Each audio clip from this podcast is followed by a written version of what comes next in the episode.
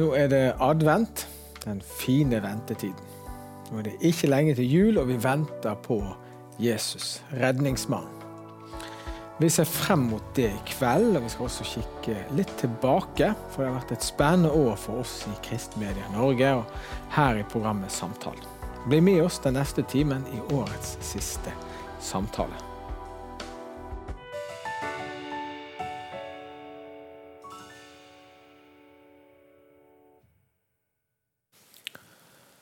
Ja, er kanskje ikke den siste samtalen, for neste uke har vi en julespesial. Men vi har årets siste vanlige samtale, og jeg har eh, fått med meg programlederkollegien eh, i kveld. Og først ut eh, André Birkeland. Velkommen, André. Tusen takk, Bjarte. Ja, vi må begynne litt å snakke om eh, vår nære historie sammen. Vi har jo kjent hverandre i mange år, men for eh, vel et år siden så møttes du og jeg på konditoriet på Blomsterdalen senter. Eh, og jeg spurte om vi kunne gjøre noe sammen. Eh, hva husker du fra Ja. den samtalen, og hva du tenkte?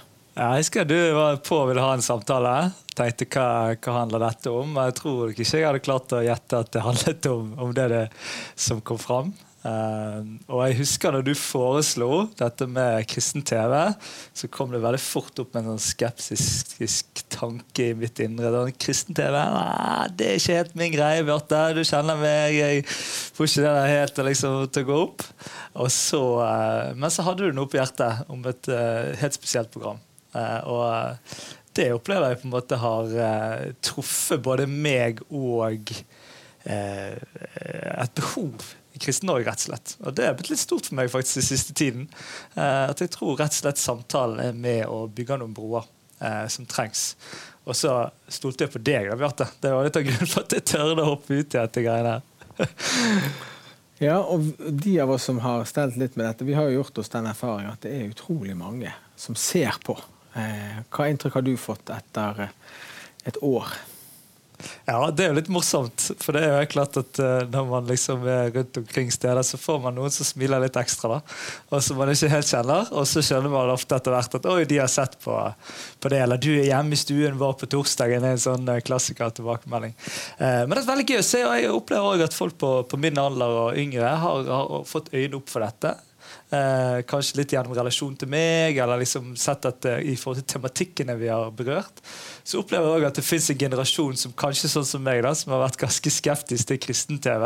Rett og slett pga. en oppvekst der det var litt mye som ble litt voldsomt når det var på kristen-TV.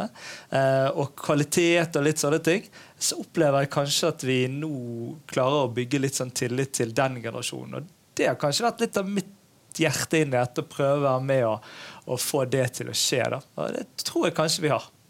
Ja, så er det kanskje noe som er typisk for vår tid, at vi vil gjerne samtale om ting. Vi vil ikke ha ferdig tygde sannheter som noen andre skal fortelle oss, men vi vil veldig gjerne ta inn flere perspektiv. Ja, ja og det syns jeg er utrolig eh, berikende. Og så er jeg veldig glad for den innestemmen som samtalen har, av å dermed kunne klare å snakke når det fins forskjellige meninger, enten i rommet eller ellers i, i Kristen-Norge. Eh, det er jeg stolt over. og Når jeg ser litt tilbake på, på ting, at det opplever jeg at har vært sånn. Hva har vært det kjekkeste eh, det siste året? Oh, det er jo liksom den hjertesaken min av å klare å prate om de vanskeligste av de vanskeligste tingene. At det går an. da. Eh, og at det går an kanskje å inspirere til at det er mulig i livet ellers. Eh, og Det opplever jeg f.eks. samtalen om, om, selvmord ble en sånn vanvittig liksom, bevis for min del. Oi, går det an, liksom? Å berøre et sånt tema. Jeg var, har svett hele uken i forveien. Fordi at jeg skjønte denne tematikken. Den er voldsom for mennesker eh, på så mange måter. Og Da opplever jeg liksom en sånn dyp glede da, i det av å se at oi, dette går an. Eh, det går an å samle mennesker som er berørte på forskjellige måter, og dele åpent og sårbart. Og, og, og på den måten å være med å åpne kanskje noen flere rom både i menneskers liv eh, og egentlig trosdimensjon.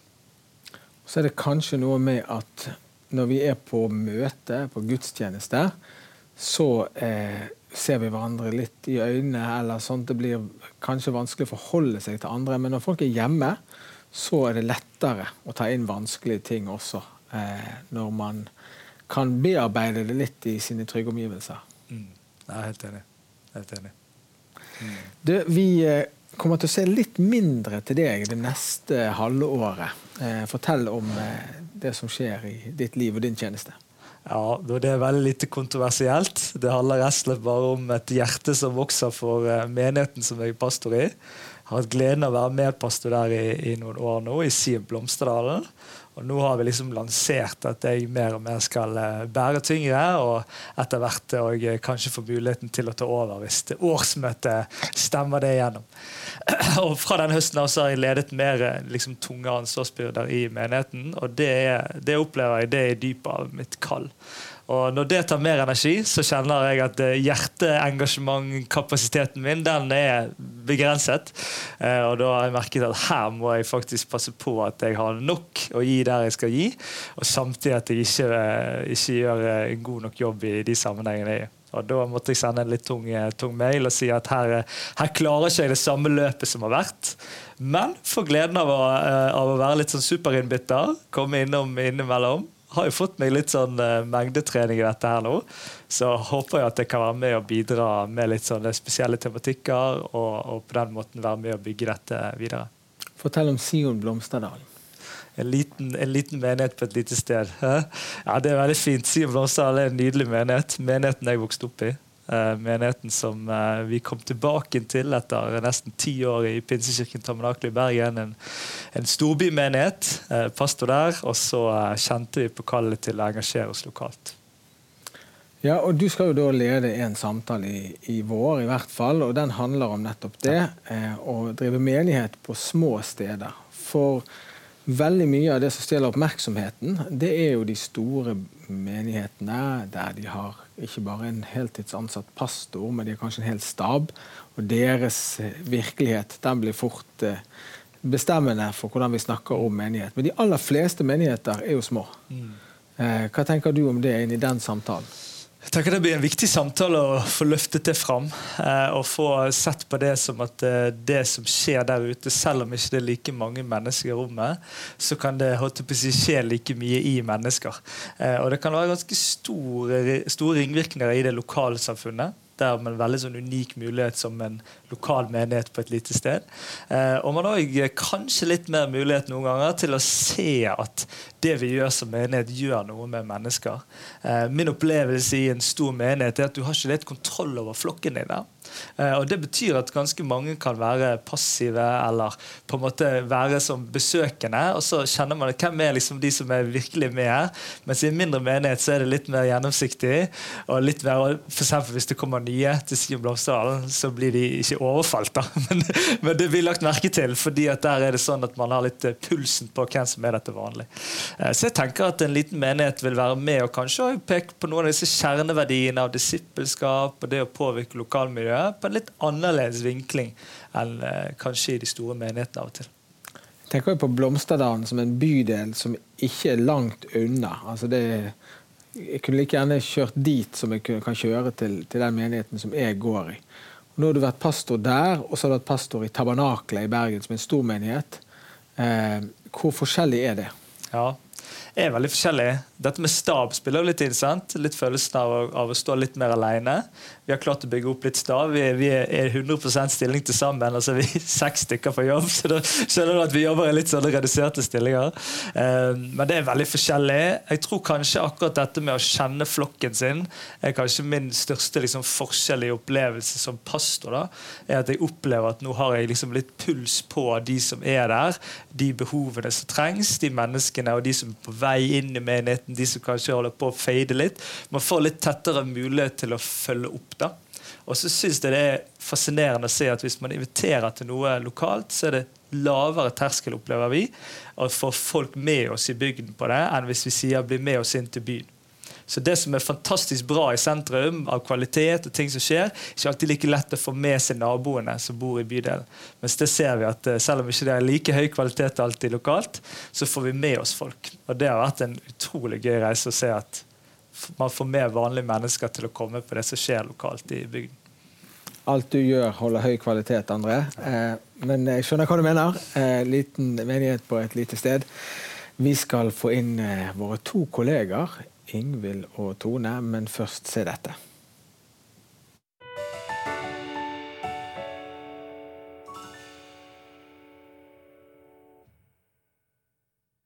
Hver uke så gir vi gratis nyhetsbrev fra Kristenmedia Norge, så du kan få tilsendt på din e-postadresse. Der kan du få lese ukens kommentar, du kan få se hva som skal være tema i samtalen, og du får vite hvem som er gjest i Live med venner før alle andre. Og har vi noe nytt på gang, så kan du lese det der. Gå inn på kristenmedia.no og registrer deg, så får du nyhetsbrevet gratis hver uke.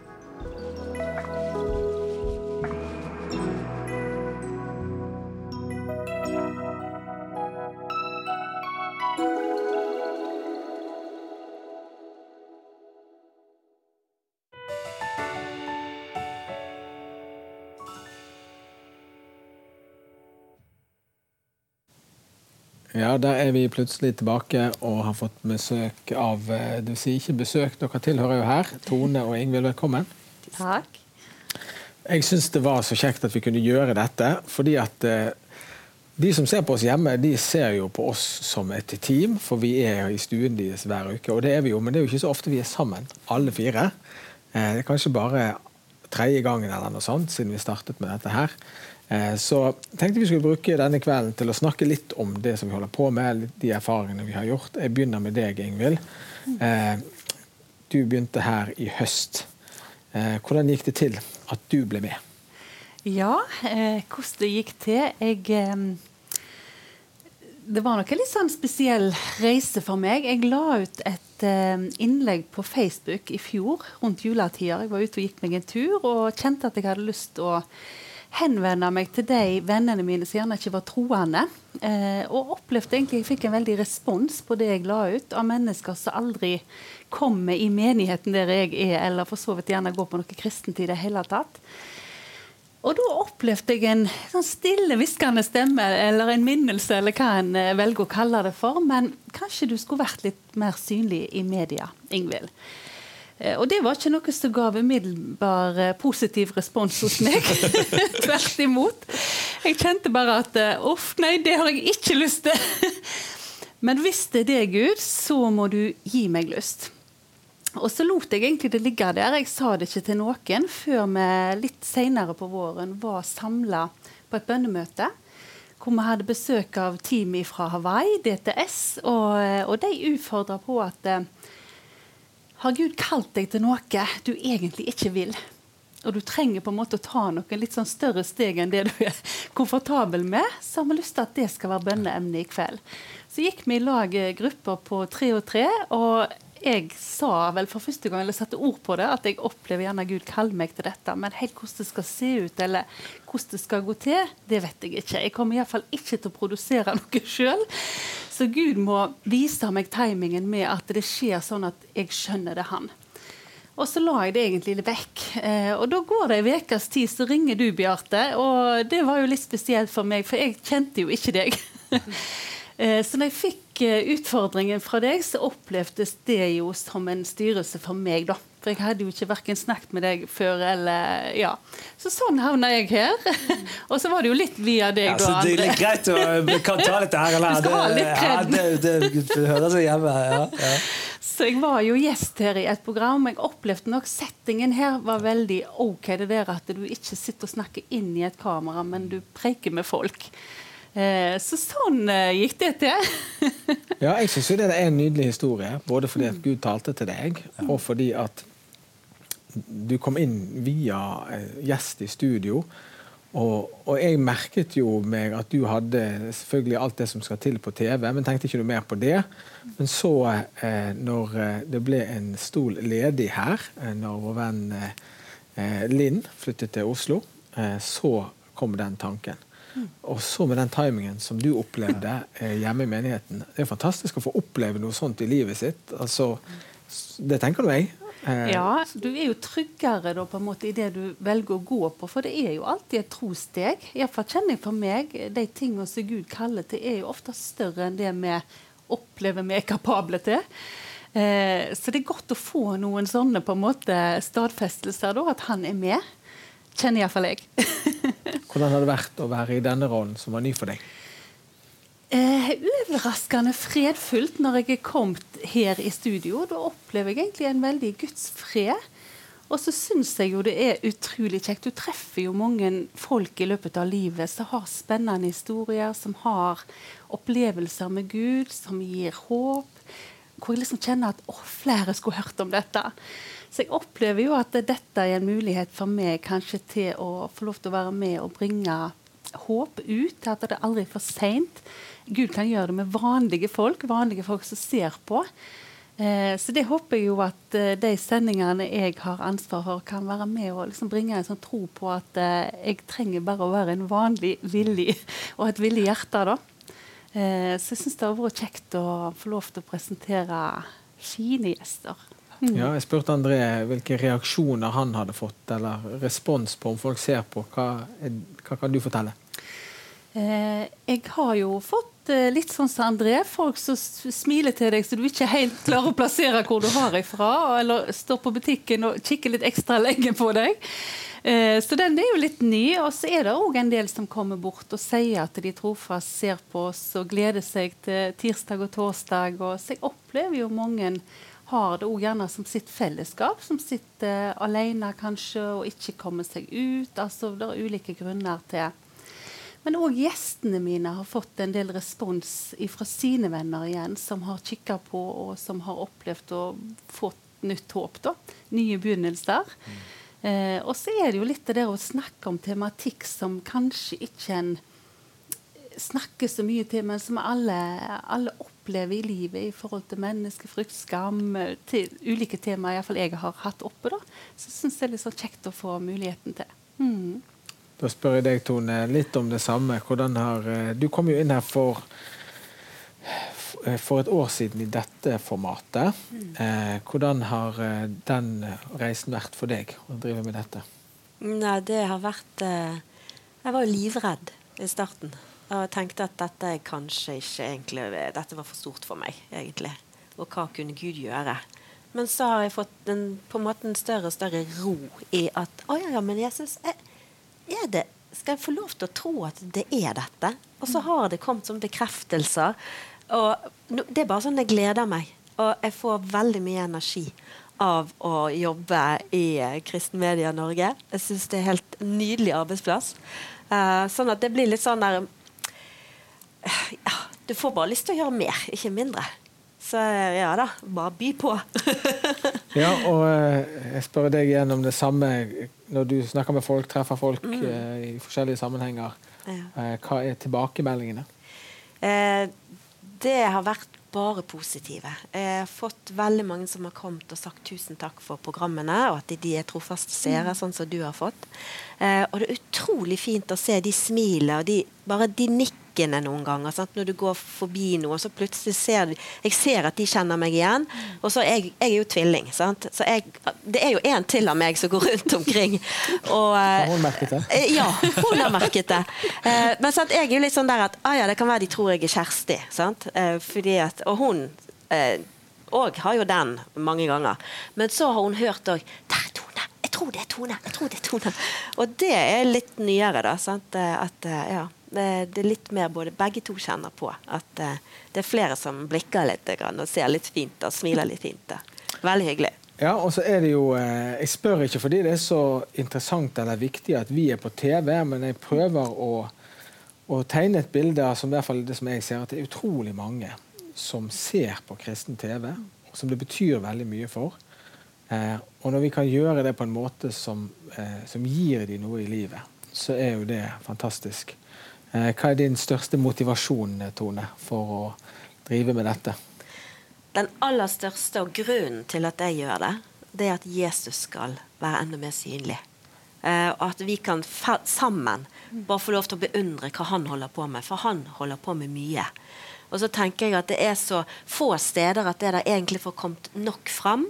Uh, for det er så mange mennesker som har dype berøringer og store vendepunkt av at de fikk en gudsopplevelse, en erfaring av at dette er realitet.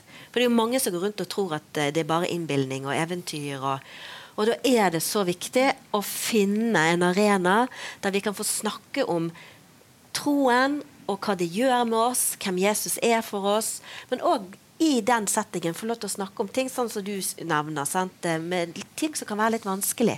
For det er jo ikke bare å, å eh, fyke på en fjøl her. Altså, det er, livet er mye. Men å møte det med en tro og med, sammen med Jesus, det er jo det jeg har lyst til å få fram. Mm. Og at det, det, er så nydelig å kjenne på når jeg treffer folk, det er fra alle mulige kristne sammenhenger. Fra hele landskapet. Sant? Fra ytterst ene gjerdet til det andre gjerdet på en måte, innenfor kristen fellesskap. Og så kjenner du på en sånn der enhet. At å, vi står sammen. Vi er i samme båt. Vi er på lag. Og det tror jeg er så grådig viktig nå denne tiden her. At vi mer og mer får øynene opp for at vi er på samme kropp. vi. Og da er det ene cellen som kommer fram og så får glitre litt sant? og forteller ja, for jeg òg er podet inn i Jesus. Sant? Blodåren hans den går igjennom meg òg. Og så får vi vite litt av eh, det livet som Jesus har for hver av oss. Det er det som motiverer. Vi har hatt eh, utrolig mye forskjellig for året i disse programmene. Og uh, litt av det som er motivasjonen bak det, er jo å snakke om de tingene som vi kanskje ikke snakker om i menigheten. Og ofte med god grunn. Fordi at det kan være så nært og vanskelig for folk som sitter i salen, at man rett og slett eh, må være forsiktig. Eh, eller det kan være at det rett og slett ikke egner seg for forkynnelse, f.eks. For. Og Et tema som kanskje tangerer det, er jo dette med mobbing. Eh, André, og Du eh, hadde det oppe for ikke lenge siden. Mm. Eh, vi har et lite klipp fra den episoden. Se her. Dette er et vanskelig tema. Og vi vet at i verste fall så snakker vi om livsvarige sår som ligger der, som eh, kan gi seg utslag i eh, ensomhet, lavt selvbilde, eh, selvmordstanker, selvmordsforsøk, psykose som er traumeutløst, eh, spiseforstyrrelser. Eh, så her snakker vi om et samfunnsproblem. Mm. Eh, og Derfor så er det også en forferdelig viktig del av eh, opplæringsloven. Ja, André, vi har fått masse respons etter dette programmet spesielt. Igjen et tema som ikke er vanlig å snakke om i menighetene. Nå hørte vi skoleleder gjennom mange år, Ole Henry Halleraker, snakke om dette. Eh, fortell inngangen din og opplevelsen av det programmet. Ja. Det er noen programmer du liksom planlegger, og så skjønner ikke du før du sitter der eh, hva du har stelt i stand. For det, det, var litt min opplevelse. da. Jeg tenkte mobbing viktig å snakke om. Og så eh, skjønner man når praten går der, hva dette liksom berører da, i menneskers liv, og hvor mange skjebner egentlig som, som sitter på andre siden av, av fortellingen her. Og det, det ble sterkt for meg, egentlig. Og, og, og så er det den dynamikken i en samtale av å ha de personlige fortellingene, som kan være veldig forskjellige og disse som har over lang tid jobbet med eller prøvd å finne ut av. altså Litt denne fagkompetansen. Eh, og Det syns jeg er en litt sånn spennende måte å nærme seg. Vi skal ikke bli et sånn ekspertpanel, men, men det der å blande livshistorier med mennesker som på en måte sitter litt på andre siden og har jobbet med det, eller prøver å hjelpe mennesker i det, det opplever jeg en utrolig spennende dynamikk. da. Og det opplever jeg den samtalen ble et litt sånn bevis på. da. Ja, og det har vært tilbakevendende. Akkurat det som du sier, at eh, det er ikke bare pastorer, evangelister, forkynnere som er her som gjester. Det er folk med både livserfaring, som berører temaet, og også folk med fagkompetanse. Eh, og det tror jeg noe av det folk setter pris på. Eh, en veldig sterk fortelling, Tone, det er den som du hadde et møtepunkt med, med Bjørn Aslaksen med kone Sissel. Og de var her eh, for også ikke så veldig lenge siden. Eh, og vi har et lite klipp ifra det. Se her. Jeg opplevde jo at jeg hadde bygd hele mitt liv rundt hans tjeneste, hvem han var, hva, vi, hva han skulle gjøre. Eh, og det var vel det som skjedde når jeg kom, kom for meg sjøl. Så, så, så Og jeg kasta meg jo på Gud. Det var jo det jeg gjorde. Og, og eh, jeg, jeg, søkte Gud, og jeg begynte å, å be og spørre Gud hva, hva vil du at jeg skal gjøre. Og Gud han, han, eh, sa det at det du skal gjøre Du er skapt i Kristus Jesus til gode gjerninger, som jeg har lagt ferdig for at du skal vandre i det. Og, og at jeg bare ble bygd opp på innsida, og, og jeg fikk en sånn bare det å, kjenne liksom at Gud er med i krisa. Og, eh, og ja. Og det der med, med at, at ikke jeg har noe å bidra med, at ikke jeg i meg sjøl er verdifull. Disse tinga liksom fikk jeg gjennom bønn og hørte på taler. Eh, gikk i en smågruppe. Så jeg, jeg gjorde det rette. Eh, det er vel eneste skrytet jeg kan si, det at jeg kasta meg på Gud og, og, og fulgte med med hva Gud sier Mm. Ja. om hvem jeg er. Hvem Sissel er. Mm. Ja. Ja. Og så fikk jeg en ny identitet. Ja, Bakteppet her er altså at uh, Sissel og Bjørn de var fra hverandre i to år. 28 måneder, hvis jeg ikke husker eh, feil. Og så kom de eh, sammen igjen. eh, og, og hemmeligheten var dette å, som hun sjøl sier, kaste seg på Gud. Dette var en samtale du eh, ville veldig gjerne ha, Tone. Ja, det ville jeg. For eh, etter hvert som de begynte å komme ut med han offentlig, eh, så eh, rørte han veldig med meg. Eh, fordi at det er veldig mange som strever for tiden.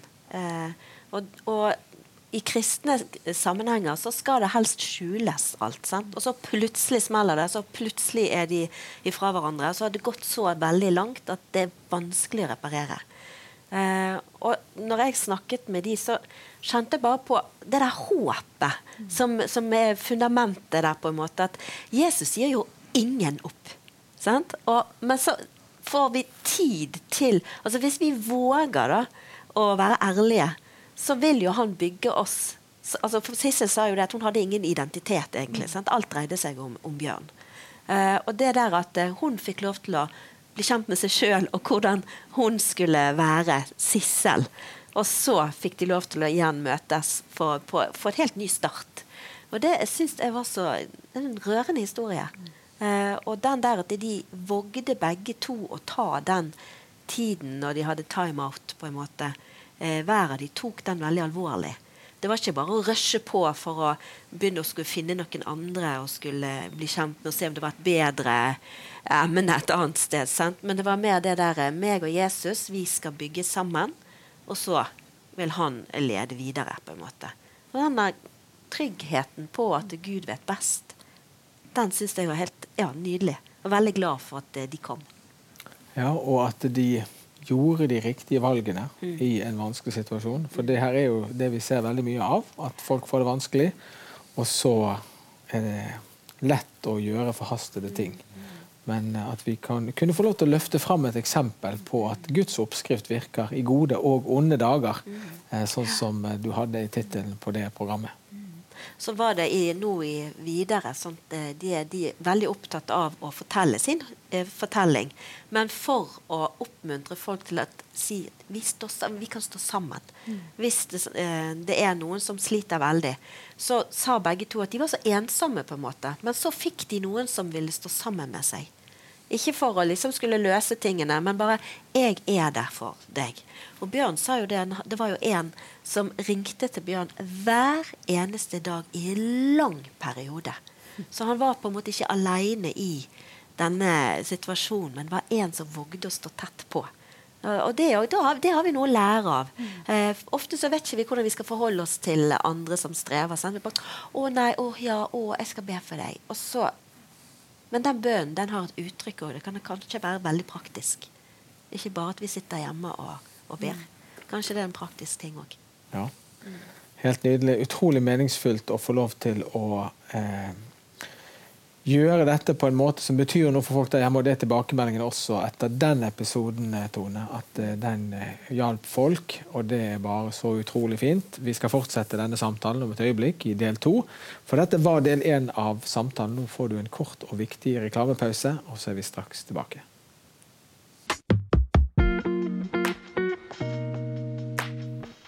Takk for at du ser på programmet vårt. Og hvis du liker det vi gjør, så vil vi invitere deg til å være med og støtte oss. For vi kan bare gjøre dette så lenge seerne holder oss på luften.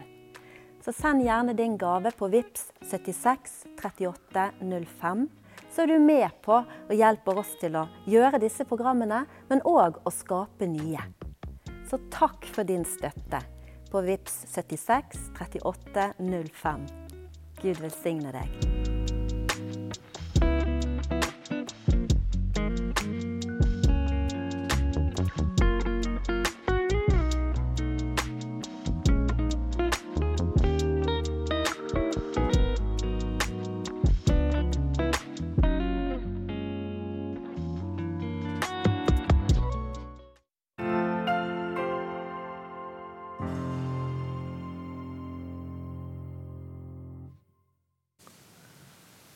Ja, Mens du eh, fikk den reklamepausen, så, så, tar engasjementet oss her i studio. Vi sitter og prater om dette her fordi at eh, vi syns det er så utrolig godt å få lov til å være med på dette. Så jeg håper du kjenner den begeistringen der hjemme og kan ta del i det.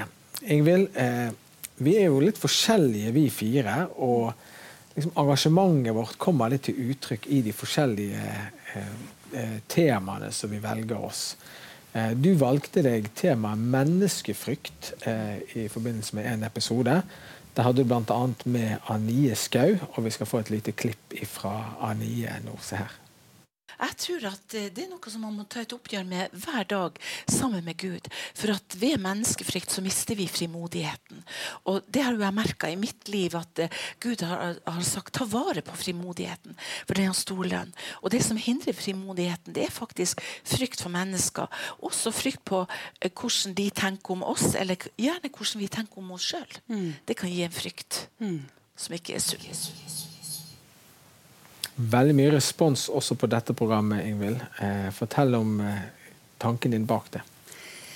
Eh, jeg reiste jo litt rundt for, i forskjellige menigheter og forkynne, og min nådegave har jo vært egentlig litt etter oppdaga kanskje nådegaven i andre, og prøve å forløse og gi litt sånn tro på at du kan. Men jeg ser jo at mye av det som holder oss nede som kristenfolk, og kanskje som mennesker generelt, er jo dette med menneskefrykt. Vi merker det jo alle når vi inviterer gjester til å være i studio. så er det det første som popper opp. Og det forstyrrer oss litt for mye. Så det er liksom noe med det der å snakke litt høyt om det. Og jeg tror ofte når vi avslører hva som egentlig er problemet, så blir vi litt sånn sterkere i møte med det. At vi, at vi avslører fienden litt uh, kjappere da, i egne liv. Og, og den dukker jo opp i alle fasetter. Og, så det er et av de temaene som engasjerer meg, ja. Så veldig kjekt å kunne få lov til å få andre sine refleksjoner. Og, for vi er jo litt i samme båt, alle mann. Ja, og eh, etter den episoden, fikk du eh, noen tilbakemeldinger fra folk som hadde opplevd det? Ja, jeg fikk. Og en av gjestene mine hadde fått en konkret melding hvor det var spot on i forhold til mitt liv. Dette var et budskap til meg i forhold til å reise meg igjen og våge å tro at jeg kan. da. Eh, og hun ga jo konkret tilbakemelding, men jeg tenker det er så mange som sitter der og kjenner seg lamma. Så eh, absolutt. Mm. Du da, Bjarte. Har du noen eh, spesielle opplevelser uh, denne sesongen? Ja, jeg syns jeg har hatt så mange. Eh, og eh, det som jeg kanskje har fått aller mest respons på, det var et program som vi hadde om vekkelse. Eh, med bl.a. sangevangelist Irene Krokede Alnes se på dette klippet her. Men budskapet i sangen har vi merket. Nå har vi jo sunget noen sanger i alle disse år. Men ordet om korset, skildringen av det Jesus gjør for oss, det tar Guds ånd tak i. Enormt. Vi har sett folk bli helbredet under sang, og folk har sett seg frelst på budskapet i sangen. Og det ser vi jo vi, Hvis vi går inn i tekstene som synges på Vigeland, så er det til kjernen i tro og til kjernen i, i, Guds budskap for å nå mennesker. Vi er privilegerte som har sånne folk iblant oss som Irene Kroken Alnes, som ikke bare kan fortelle om en vekkelse de en gang opplevde, men som egentlig har stått i vekkelse i et langt liv. Eh, og utrolig mye respons på dette programmet. Og det sammenfalt jo i tid med det som hun bl.a. snakker om her, Vigeland-vekkelsen. Dette er en sult som ligger i oss eh, etter vekkelse. Eh, André, du, eh, du, jobber med menighetsbygging og, og, jobber systematisk og tenker nøye gjennom alt du gjør. Og så, så får vi eksempler på at ting skjer så uventet og så guddommelig. Hva tenker du om temaet vekkelse? Oh, før har jeg vært litt stresset på det. For det har vært en sånn opplevelse av at man skal skape det litt sjøl. Hvis man liksom gjør alt riktig, så, så kommer vekkelsen, på en måte. Eh, så for meg har det nesten vært litt sånn deilig og befriende med både den vekkelsen vi har fått hørt om litt her opp til lands, men òg litt ting vi har opplevd i Sion Blomster, som ikke er knyttet til at man har imponert noen, eller at man har gjort akkurat de riktige strategiske valgene, eller fått gudstjenesten til å se liksom ut som så det opplever jeg egentlig litt sånn befriende med denne tanken om at Gud han kan sende mennesker. han Uavhengig av hvor flinke vi er, og hva vi får til, og hva vi kan gjøre. Eh, og, og da får jeg litt lave skuldre jeg som pastor og kjenner på at ok, jeg skal gjøre de riktige, gode tingene. Eh, vi skal forkynne Guds ord, vi skal invitere inn i hans nærvær. Og så kan det komme noen sånne jeg, frukter av det at mennesker blir tiltrukket. Altså, vi har mennesker som har ramlet inn på siden, så vi vet ikke hva, vi har ingen som har sendt melding til dem. Altså, det er Gud som, som ordner, og det tror jeg er litt sånn fortellingene rundt omkring. Da, at det, det er ikke disse her eh, Litt fortellingen jeg vokste opp med. Hvis du bare har en god nok visjon, hvis du bare har et bra nok slogan, da kommer menneskene. liksom. Så det har vært befriende synes jeg, med litt vekkelsesånden som har vært litt spesielt dette året her. Vi eh, må snakke litt om advent, for nå er det snart jul. Eh, og eh, det er en fin tid for de fleste av oss. Ingvild, hvordan er adventstiden for deg? Jeg må jo si De siste åra har adventstida vært roligere. Nå når jeg har den jobben jeg har nå, så har jeg jo et stillere liv enn når jeg jobbet som frisør i mange år. Det var vel den travleste tida på året, og hei hvor det går. Hadde nesten ikke tid til å legge merke til om punten var oppe liksom, før julaften var det. Så jeg kjenner jo at jeg eh, Kanskje det som er mest merkbart i mitt liv nå, er jo tida, altså stillheten. Det der å få lov til å sette seg ned og reflektere over hva egentlig det handler om.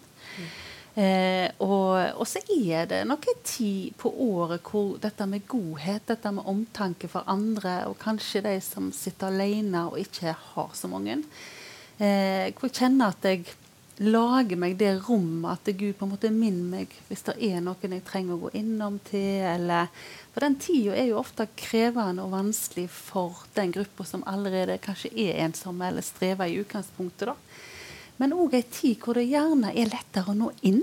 Det er løye med disse høytidene hvor det er mer åpent for å kunne nå inn til folk med evangeliet og budskap om Gud. og merke at jeg er gjerne mer frimodig i forhold til å legge ut ting som handler om eh, budskapet. Så, så, det er liksom en tid Jeg tenker vi trenger litt å bruke anledningen òg. Eh, kanskje invitere noen med oss på en konsert, eller Ja. Så jeg tenker det er jo en tid for muligheter, da. Mm.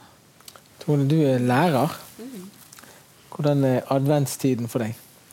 Eh, den er mye på mye på mange måter. Eh, I jobben så er det veldig mye koselig, eh, men det er òg litt vanskelig. For jeg ser at det er barn som ikke automatisk gleder seg.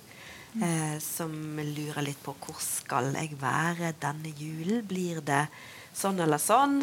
Eh, ting som kanskje skjer som gjør at de syns det er vanskelig. Så det er litt sånn blandet, det der. For eh, mange er jo bare sånn uhemmet glad for at eh, nå skal vi snart ha ferie. Og mange gaver. For det, jeg har hatt noen sånne runder med hva er liksom det viktigste for deg i jul. Og da trekker jo alle unger oppgavene. Det er jo liksom det store. Eh, og så, da, blir jeg litt sånn her Ja, men eh, eh, og så sier de ofte Ja, for jeg har to eller tre julekalendere. Eh, og så bare Ja, men hva er, er det det som er julen, da? Men så heldigvis da, så er det flere mm. nå. Nå er nå jeg med de eldre i barneskolen. Og det er noen som sier nei, jeg setter sånn pris på stemningen. Og det syns jeg er så kjekt. At det er noen som værer. At det er en liten stemningsendring. Mm. Eh, og det, det, det, merkes at det er litt mer sånn Selv om det er hektisk mye, men så er det likevel litt sånn dempet hektisk på en måte. Eh, så adventstiden er en fin tid i, i skolen. Eh, samtidig som det kan være bitte litt sår. Får du lov å snakke om Jesus med barna? Jeg får ikke lov å forkynne. Eh, det er blitt eh, veldig strengt, og nå er det kommet nye regler òg eh, som gjør det enda strengere. Det går ikke an å forkynne noe som helst, verken i KRLE-timer eller i andre fag. Men vi har jo lov å undervise. og vi underviser jo om den kristne kulturarven vår. Det står jo det òg i eh, formålsparagrafen vår at vi skal. Eh, og der kan vi fortelle om alle høytidene vi har. ikke sant? Og det er de kristne høytidene vi har i landet vårt fremdeles. Og da må vi òg fortelle hva som skjedde på alle de tingene. Sette det i perspektiv og finne ut hva er advent, og hvorfor og hvordan. Og det er jo undervisning. Eh, og det har vi lov til. Så det er et lite smutthull i regelverket, Tone, og det er hvis elevene spør deg om noe. Så har du lov å svare. Ja, jeg har lov å svare. Mm. Gjør de det av og til? Eh, de, nei, ikke så veldig mye, faktisk. Eh, jeg tror kanskje jeg har veldig tydelig undervisning. Ja, det tror jeg på. Ja, det tror jeg. André, adventstiden, hvordan er den for deg? Jo, så Jeg har jo disse små, små barna hjemme, på si. eller de er liksom midt i den der de husker litt av forrige jul. Og liksom, eh, så det er jo ubalanse fra midten av november til, til julen er over. Men det er jo utrolig gøy. Da Da får man liksom levd litt i den eh, den på en måte barnlige julespenningen og gleden. Eh, og det er fint, samtidig som at det liksom er, er spennende å skulle hjelpe de til å se litt lenger enn sjokoladekalenderen og, og disse tingene. Eh, og så er det spennende med menighet og kirke. Det er jo en tid for uh, som du sier, Engvild, at, at mennesker kommer, og vi får på en måte uh, bety noe litt bredere enn til vanlig i forhold til rommene våre. Vi har adventskaffe med alle barnehagebarna og familie. og Plutselig får vi liksom formidlet noe til mennesker vi ikke får formidlet så mye til til vanlig. Så da ble jeg eh, inspirert til å liksom forvalte julen, på en måte. Så lenge det er en uh, høytid i Norge, så har vi en mulighet der da, som, som da. Ja, for det at uh, veldig mange som feirer jul, har jo ikke noe forhold til den kristne tro. Uh, har det en åndelig verdi at vi har det som en nasjonal høytid? Jeg er blitt mer og mer glad i det årshjulet vi har i Norge. da, Av at måte, høytidene og de kristne høytidene er markert også i måte, samfunnet. Så kan man være frustrert over at det er påskeharen det snakkes mer om i påsken enn en Jesus. Men, men allikevel så opplever jeg at det er en gave da, som, som jeg vil bruke i menighetssammenheng. Eh, og i mitt eget trosliv. Eh, for det tror jeg kanskje er litt glemt, iallfall i litt sånn pinsekarismatiske sammenhenger, der man skal hele tiden leve nå og i liksom følelsen der og da. Men det er med litt disse røttene av at og i adventen da venter vi på frelse. Ja, vi vet det har kommet, men vi venter på han, Vi lever litt i det der. Eh, og, og fastetiden og påske. Altså, det er noen sånne uh, rytmer. da, De er jeg blitt uh, glad i, og det tror jeg det er noe åndelig i uh, å få lov til som kristen. Men òg liksom utad som kristen inn i andre. Og nå er vi inne i denne tiden. Det betyr mye for meg. Naturlig måte å dele på. Så jeg tror, jeg tror det er det. Hva gjør dere i Sion Blomsterdalen med julen? Ja, vi, vi synger den inn på søndag. det er en sånn klassiker. Og, og, vi har disse her eh, møtepunktene med barnehagen, der vi har en søndag der alle, alle er sammen, både menighet og barnehage. Og så gjør vi julaften som en sånn eh, stor samling eh, der vi får lov til å være en time sammen på selve dagen. Uh, og så orker ikke vi mer. det, er der vi, det er der vi er nå som menighet. Jeg tenker av og til blir det sånn Vi kunne gjort så mye, men det må vi, det må vi ta litt uh, når overskuddet kommer. Mm. Ingvild, på Leirvik bedehus, stor mm. indremisjon. Hvordan gjør dere det med jul? Vi òg synger en jul òg.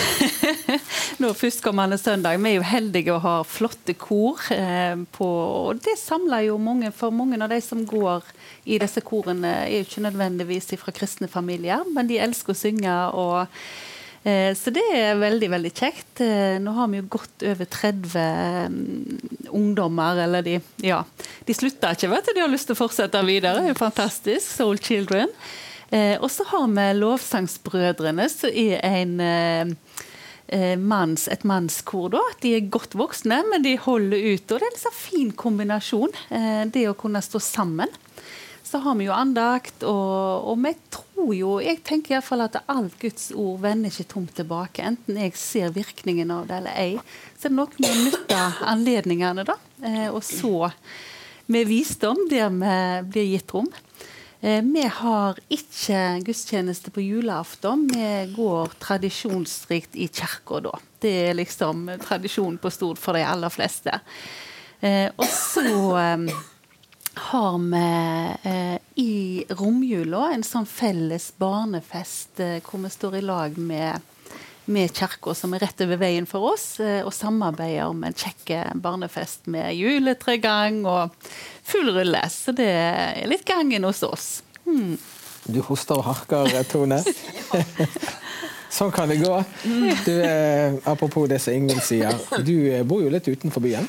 Eh, og mange der ute de går i den lokale kirken på julaften. Hvordan gjør du det? Reiser du til byen i menigheten din, eller går du lokalt? Nei, jeg skulle kanskje ikke svart på det spørsmålet, egentlig. Derfor mistet stemmen. Ja. Nei, vi fikk en tradisjon. Uffa. Unnskyld. Når vi hadde små barn og en hund så da gikk vi i skogen, i den store katedralen. Ja. Og så eh, satt vi på pinne, og så gikk vi på tur. Og så kom vi hjem igjen, og så hørte vi gudstjenesten på TV.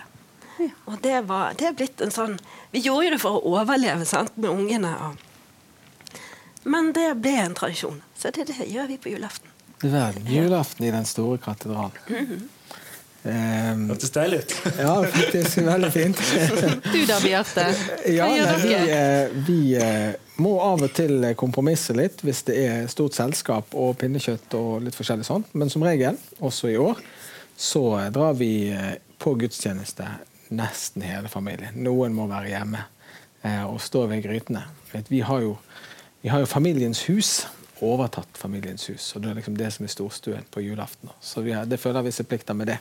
Så, men vi, eh, vi skal, eh, skal, feire gudstjeneste i eh, tabernaklet.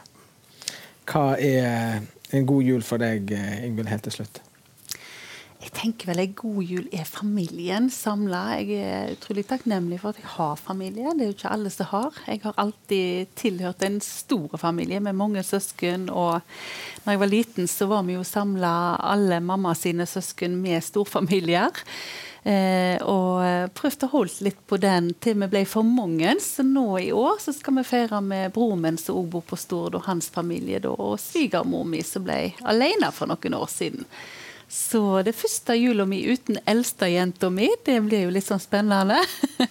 Men vi får feire i lag med deg neste år, da, og liten baby. Så det blir litt sånn ny, litt skiftig i tilværelsen for oss. Men eh, først og fremst ro og fred og tid eh, og familie rundt. Mm.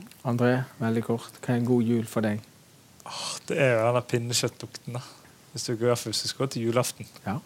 Men uh, nei, det er det fellesskapet. Få lov til å være sammen. Leve litt gjennom ungene som uh, kribler og nei, det, det, er liksom noe av det dype det samtidig dette med, med gleden sammen om å gi og ja, slappe av, skuldrene litt ned, stoppe, stoppe litt opp. Ja, gleder meg. Ja, så fint. Du, eh, nå skal vi få en andakt fra Fredrik Skoglund. Se på dette.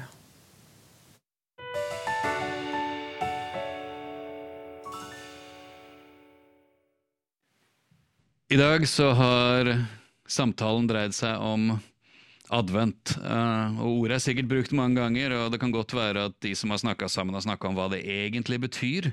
Uh, jeg tenker å begynne litt der, jeg også, i denne andakten. Altså advent. Den korte forklaringen på ordet advent er komme. Eh, det kommer av et lengre. Adventus domini, Herrens komme. Um, og i adventstida så, så blir det veldig mye fokus på det som skal skje når vi, når vi, da kommer til jul. ikke sant? Uh, at vi feirer og at vi minnes at Jesus kom eh, osv. Men jeg, husker som barn at jeg var litt forvirra av det der. Eh, oppvokst i en kristen menighet og alt mulig. Jeg husker vi sang sånne adventssanger når vi tente adventslysene på søndagene. ikke sant? Og en av de tingene som det var snakk om da, ikke sant? altså man tenner et lys og og så videre. Jeg skal ikke gjenta hele, hele teksten, men eh, vi venter på det lille barn som i en krybbe lå. Og så tenkte, husker jeg jeg gikk hjem fra kirka når vi hadde sunget det. Kan ikke ha vært fryktelig gammel, barneskolealder eller noe. Så tenkte jeg, Venter vi på at Jesus skal komme og ligge i en krybbe? Han gjorde da det. Han gjorde jo det for snart Ja, faktisk over blir det jo da. Ikke når jeg var barn, men nå. Faktisk over 2000 år siden.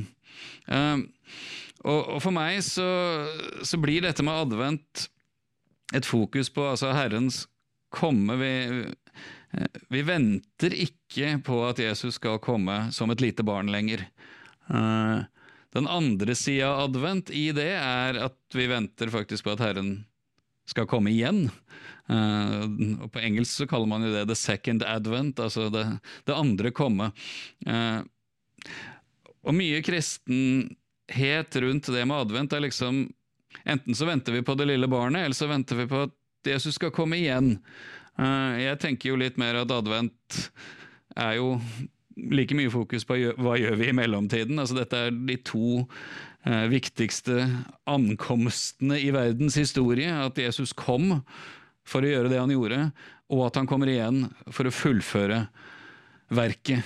Eh, men det er jo det som er i mellomtida, som er stort sett det livet dreier seg om. Og når det gjelder advent, så, så liker jeg mer å fokusere på feiringen av at han kom enn å skulle liksom vente på at han kom, for det, det, det blir litt rart.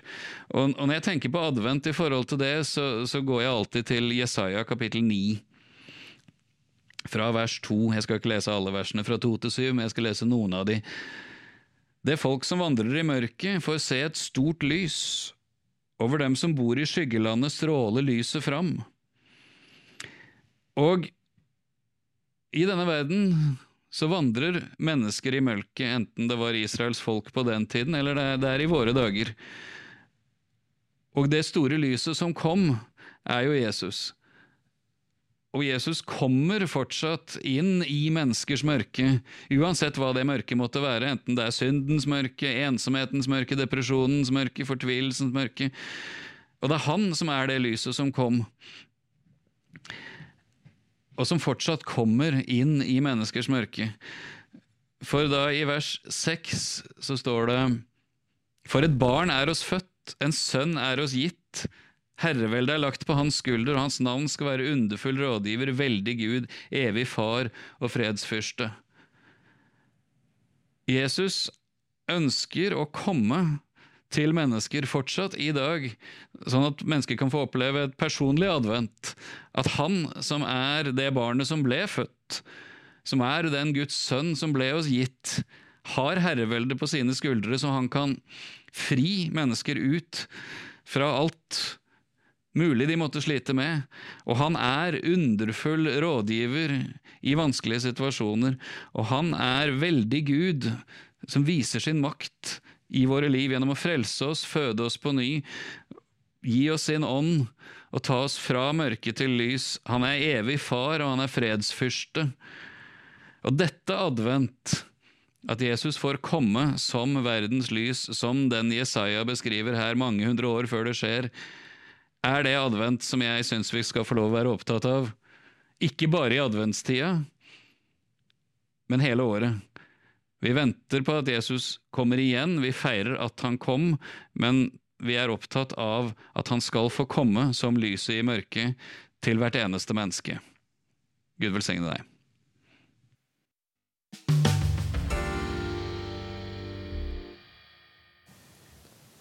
Ja, tusen takk, Fredrik, for en fin andakt på det som er årets siste ordinære samtalenprogram. Eh, tusen takk til eh, mine gode kollegaer Tone, André og Ingvild. Både takk for i år eh, og takk for i kveld. Eh, så gleder vi oss til det som ligger foran.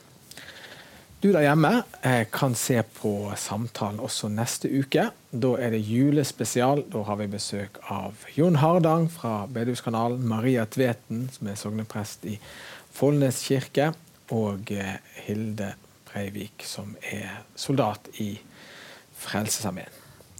Inntil det så ønsker jeg deg en fortsatt god advent, og når det nærmer seg en god jul, takk til deg som følger oss hver uke. Dette programmet er bare mulig takket være deg som støtter Kristenmedia Norge, så tusen takk til deg. Og så ønsker vi deg en fortsatt god kveld der hjemme. Takk for i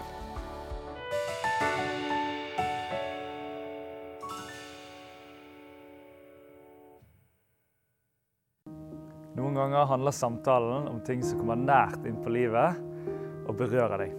Og Da tenker du kanskje at dette skulle jeg ha snakket med noen om. Heldigvis fins det noen som kan hjelpe deg.